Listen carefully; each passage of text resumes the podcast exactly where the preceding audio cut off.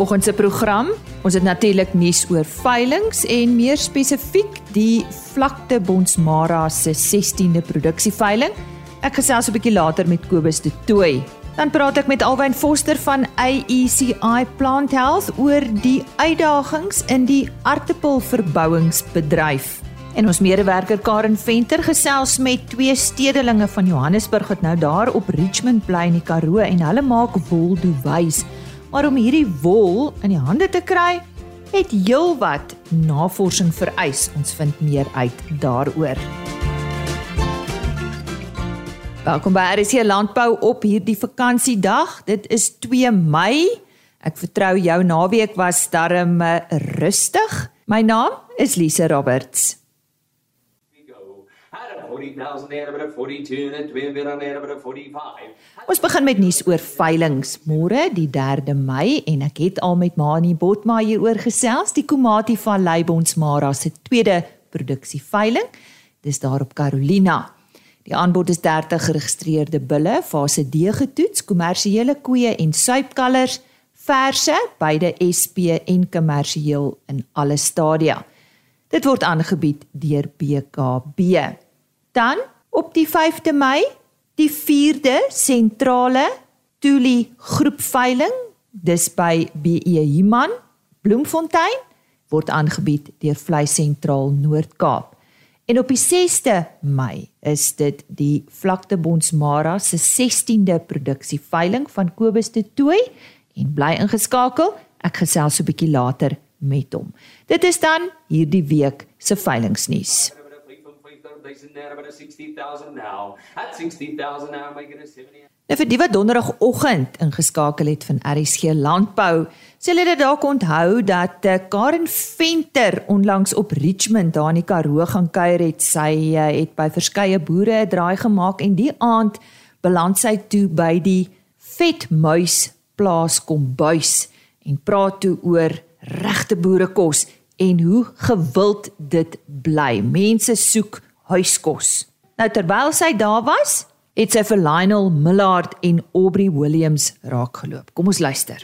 Luisteraars, terwyl ek vanaand so lekker by die Vetmuis kuier in Richmond, het ek twee baie spesiale mense ontmoet. Dit is Lionel Millard en Aubrey Williams en die twee manne was vir 11 jaar lank in die toerismebedryf in Johannesburg. Ehm um, hulle gaan vir ons 'n bietjie meer agtergrond daar gee en Hulle is nou in 'n bedryf wat baie mense sal skok as hulle hoor waar die twee manne vandaan kom en dat hulle die hotel in Richmond kom koop het en wat hulle met hierdie hotel doen. Ehm, um, maar kom ek laat dit aan hulle oor. Hulle is Engelssprekend. Ons gaan die taal maar so 'n bietjie meng vanaand, maar uh, ek is seker julle sal hulle vergewe wanneer julle hulle storie hoor. Thank you very very much. So I'm Lionel and my background is farming. My dad was a farmer. And I left and went to Joburg and joined the corporate world and worked for Discovery Health for 11 years. And then I joined Aubrey with his guest house business in 2014. And then we moved to Richmond in 2019 to renovate and open the old Masonic Hotel. So we were a bit disillusioned with Joburg. It's very competitive in the in the hospitality industry and it's expensive. Although we, we did well, we had some great properties, but it just got expensive. And we wanted a country hotel. And we did several road trips around the country. We went to Mpumalanga, KZN, Western Cape, Eastern Cape. And this beautiful old building, built in the 1860s, popped up on Property 24. And we came to look. And the deal fell through, and we carried on in Joburg. And then the owner emailed Aubrey and said, I haven't had anybody that wants to buy the building make me an offer, which is what we did. We offered her a rent to own, which she accepted. And we packed up all our stuff and we moved to Richmond March 2019. And renovated the whole place ourselves with no budget. We had no money. And we had a lot of stuff. And we couldn't open the building because it needed work. And we did all our, we, we Googled how to plumb and how to do electrical stuff, and we opened in June 2019. And had a great season, and then COVID, and we closed. We literally had 1,400 Rand in the bank, and we now had to make some decisions about what we have to do. Aubrey had a little sewing machine, and we bought some fabric and we bought some wool, and we started making wool-filled duvets. Nou op hierdie punt wil ek weer vra julle het wat gedoen? Ons het we did a little bit of research and we discovered that nobody actually makes wool duvets in South Africa the way that we wanted to do it. A lot of the places were using wool that's washable, so it's bonded with plastic, which is what we didn't want to do. And so we decided then to make duvets using wool going back to a natural sleeping cycle or sleeping product. Hmm. And we, we winged it. We just we had no idea what we were doing and we just decided to start selling these duvets. Nou wil ek graag op hierdie punt weet, hoe het julle geweet waarom te begin soek na wol en watse tipe wol?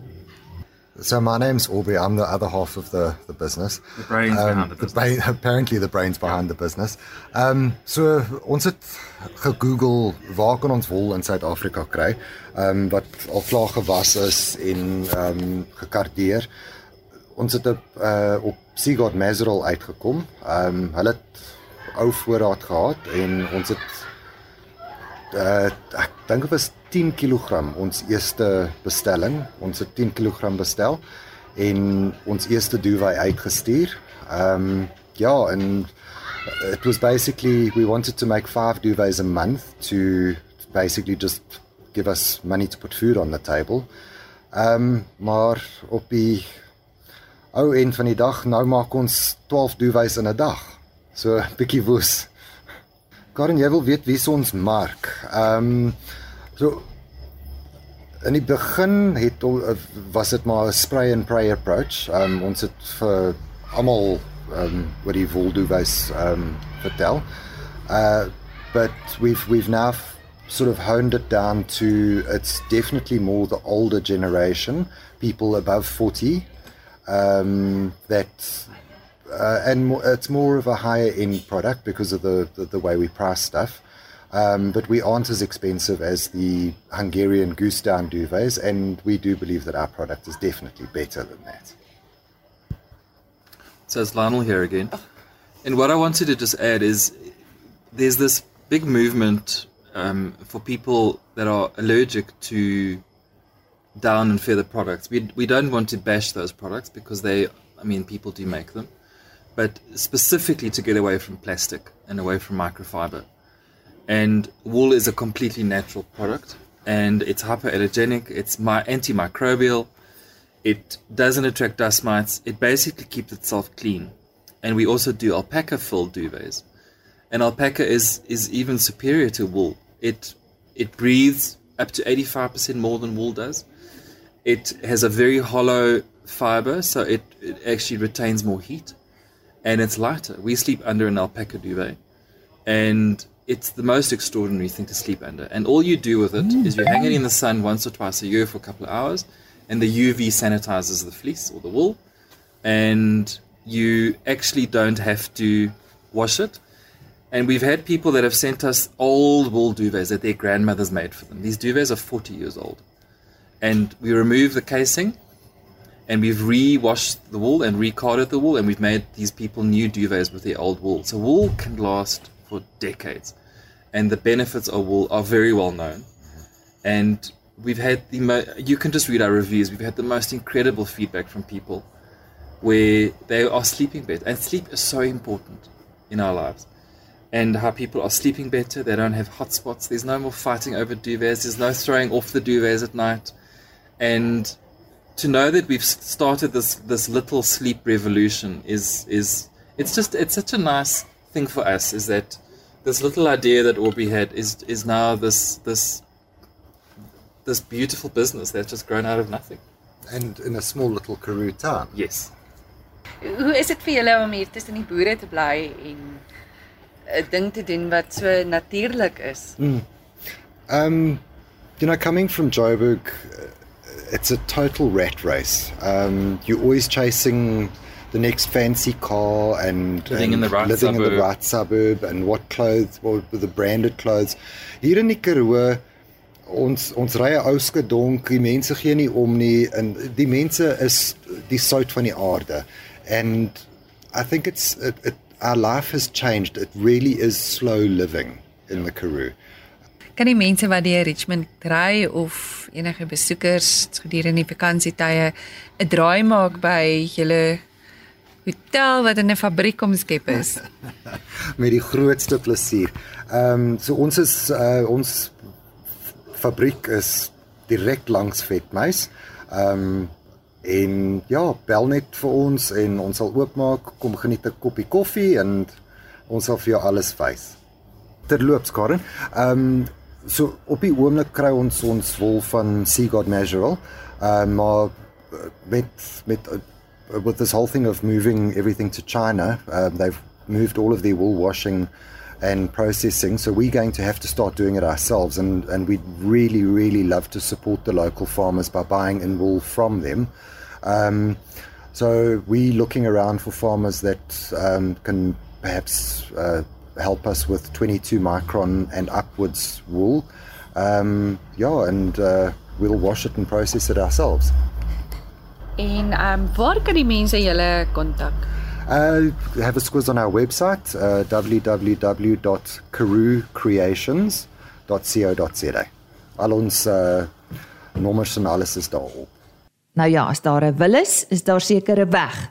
Karen Venter wat gesels het met Lionel Millard en Aubrey Williams oor hulle wol duwys. En dit is natuurlik alles deel van die wonderlike wolwaardeketting in Suid-Afrika.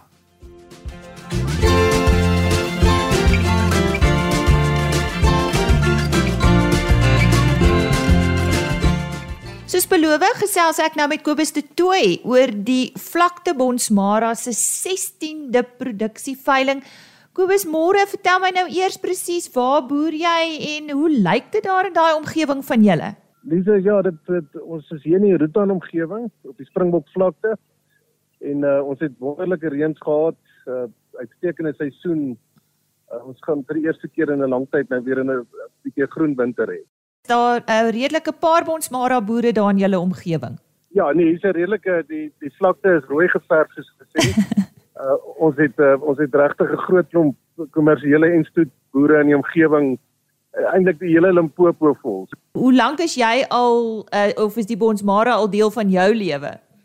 Ja, Lise, ek is al so 27 jaar wat wat ons steel met bonsmaras en uh, bykans 30 jaar wat ons nou boer met beeste. So die mm. ons maar doen werklik goed hier in die in Limpopo en veral op die vlakte 'n goed aangepaste ras en mm. en hy's uh, 'n aanvraag in in ons omgewing en landwyd soos soos julle weet ook. Dis nou jou 16de produksieveiling. Wat is julle doel met hierdie veiling?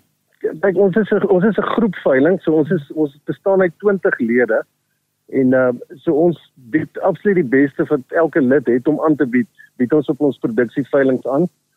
En uh, ons ons spog hierdie jaar met 'n uh, met 400 vroulike diere in alle produksiestadia van 3 in 1 koeie tot en met oop speenversie. So daar's werklik te kies en te keer. En dan het ons nog uh, 35 stoet bulle ook wat ons aanbied. So vir die die mense wat dalk binnekort so enige iemand wat uh, sy kudde wil aanvul of wat wat van van die begin af wil begin met beeste uitstekende geleentheid om om uitsoekbeeste te kom kry. En uh voornemende kopers of besoekers aan die plaas kan verseker wees julle biosekuriteitsmaatreëls is in plek Kobus. Uh dis ons is uiters streng daarop. Ehm um, daar's daar's al die nodige fitosanitêre maatreëls is in plek gestel. Mm. Voertuie sal deur baddens ry, trokke sal gewas word. Ons het ook net sekere kontrakteurs wat ons wat vir ons die voet die diere aanbring na die veiling toe. Mm. En uh daar sou back and closure sertifikate deur 'n via binne 24 uur voor die veiling gedoen beskikbaar wees dat die diere gebek is en dieselfde met brucellose en TB aan die soos die vereistes in die groep.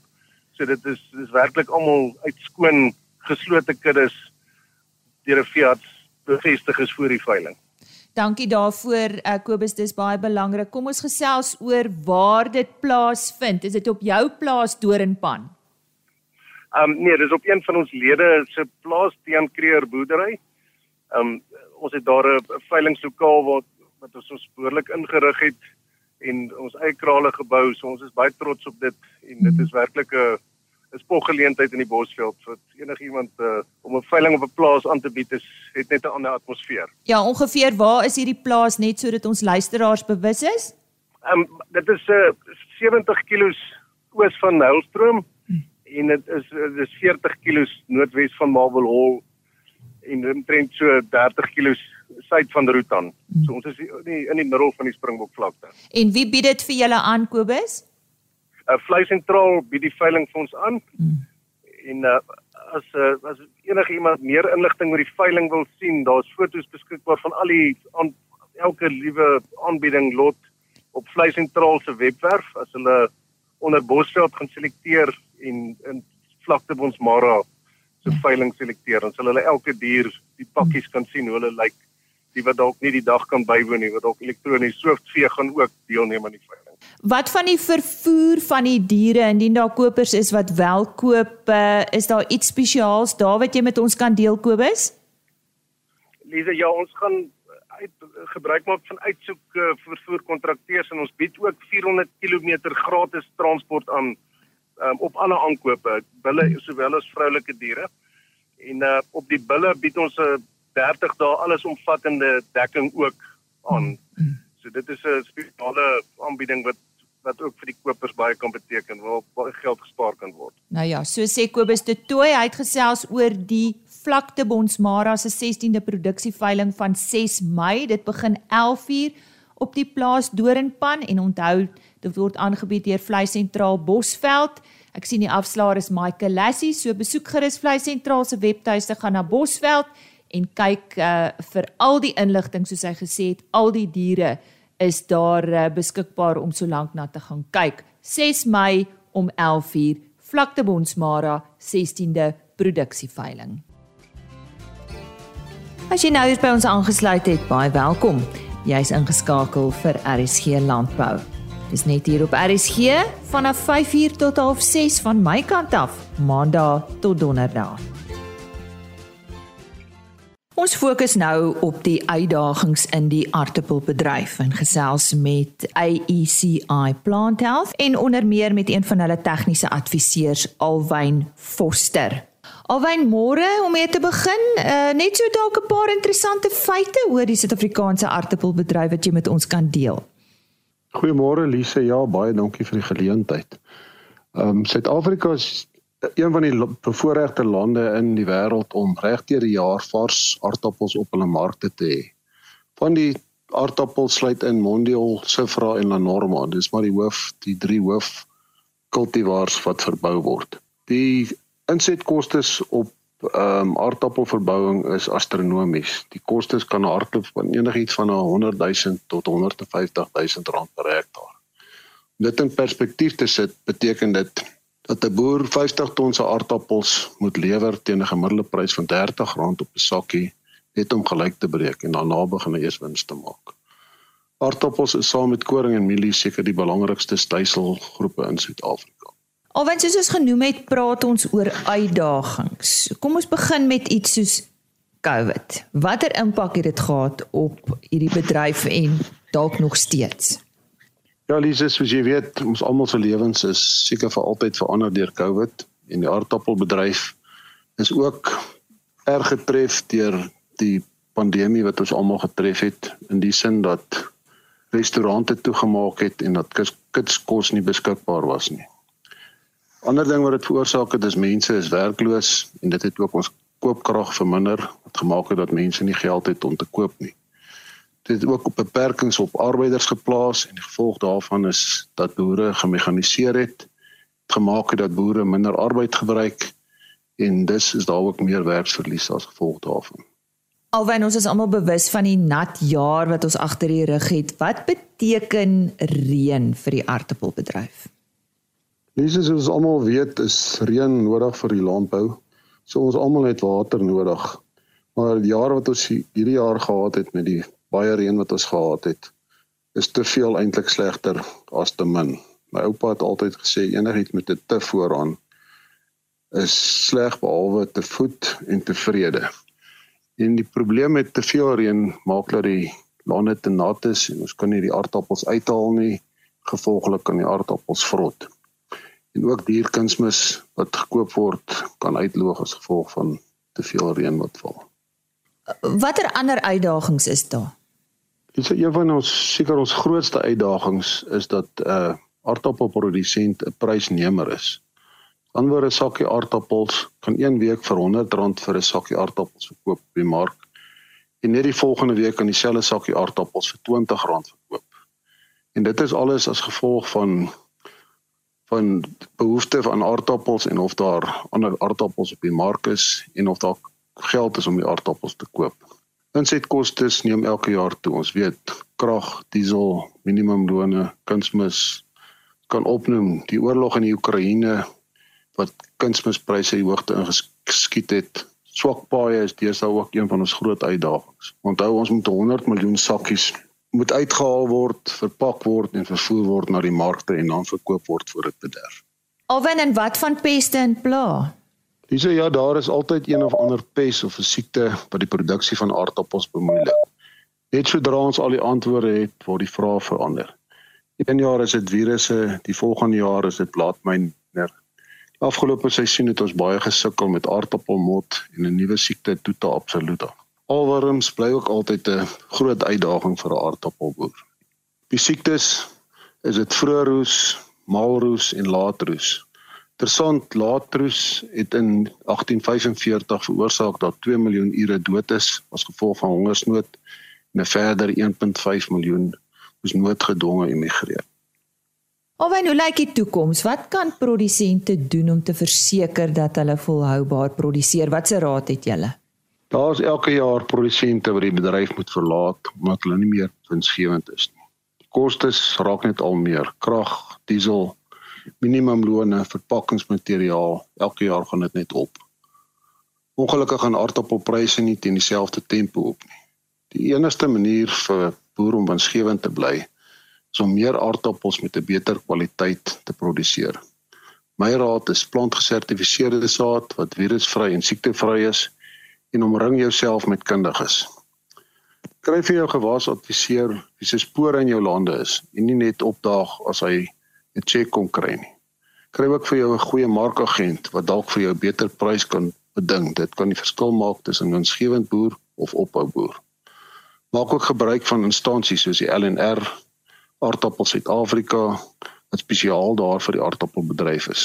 Aardappel Suid-Afrika versprei seker een van die beste tydskrifte naamlik die Chips tydskrif wat elke tweede maand gepubliseer word en uit uitsluitlik fokus op die aardappelbedryf. Alwen baie dankie vir jou tyd vanoggend. So 'n paar laaste gedagtes ter afsluiting. Glise van my kant af kan ek net vir elke aardappelboer daar buitekant sê dankie dat hulle kos op ons tafel sit en ook vir al die werk wat hulle verskaf vir ons as insetverskaffers en ook vir die honderde hande arbeiders, ongeskoolde arbeiders wat daar buitekant is. Ehm um, baie van die aardappelboere verskaf ook voedsel aan die op die platte land van die aardappels wat hulle nie bemark nie word gratis uitgedeel in die in die plaaslike mense en daardeur kan hulle ook almal gevoed word. En net ter laaste opmerking wil ek net sê as jy nie weet wat jy doen nie, moet jy eerder die lotto gaan speel as om die aardappelbedryf te betree. Dankie Lise. Baie dankie daarvoor. So sê Alwyn Foster, hy's tegniese adviseur by AECI Plant Health. Hy het vandag met ons gesels oor die aardappelbedryf in Suid-Afrika en meer spesifiek gefokus op uitdagings. En indien jy graag met hulle wil kontak maak, die beste is gebruik hulle webtuiste. Dit is www.aeciph.com. A E C I ph.com. Dis dan vandag se RC landbouprogram môreoggend gesels ek onder andere met Leon de Beer van die Nasionale Wolkwekersvereniging. Hulle hou eersdaags hulle nasionale kongres. Maar uh, ons het lanklaas met die Nasionale Wolkwekersvereniging gesels, so ons hoor hoe gaan dit met die wolboer, klein en groot. RC Landbou is beskikbaar op rsg.co.za as potgooi indien jy graag wil gaan luister na een van die vorige programme, of www.agriorbit.com daar word die onderhoude afsonderlik gelaai. Die e-posadres rsglandbou@plaasmedia.co.za. Stuur gerus 'n e-pos. Geniet die res van jou vakansiedag en dan gesels ons weer môre. Totsiens. RSG Landbou is 'n plaasmedia produksie met regisseur en aanbieder Lize Roberts en tegniese ondersteuning deur Jolande Rooi.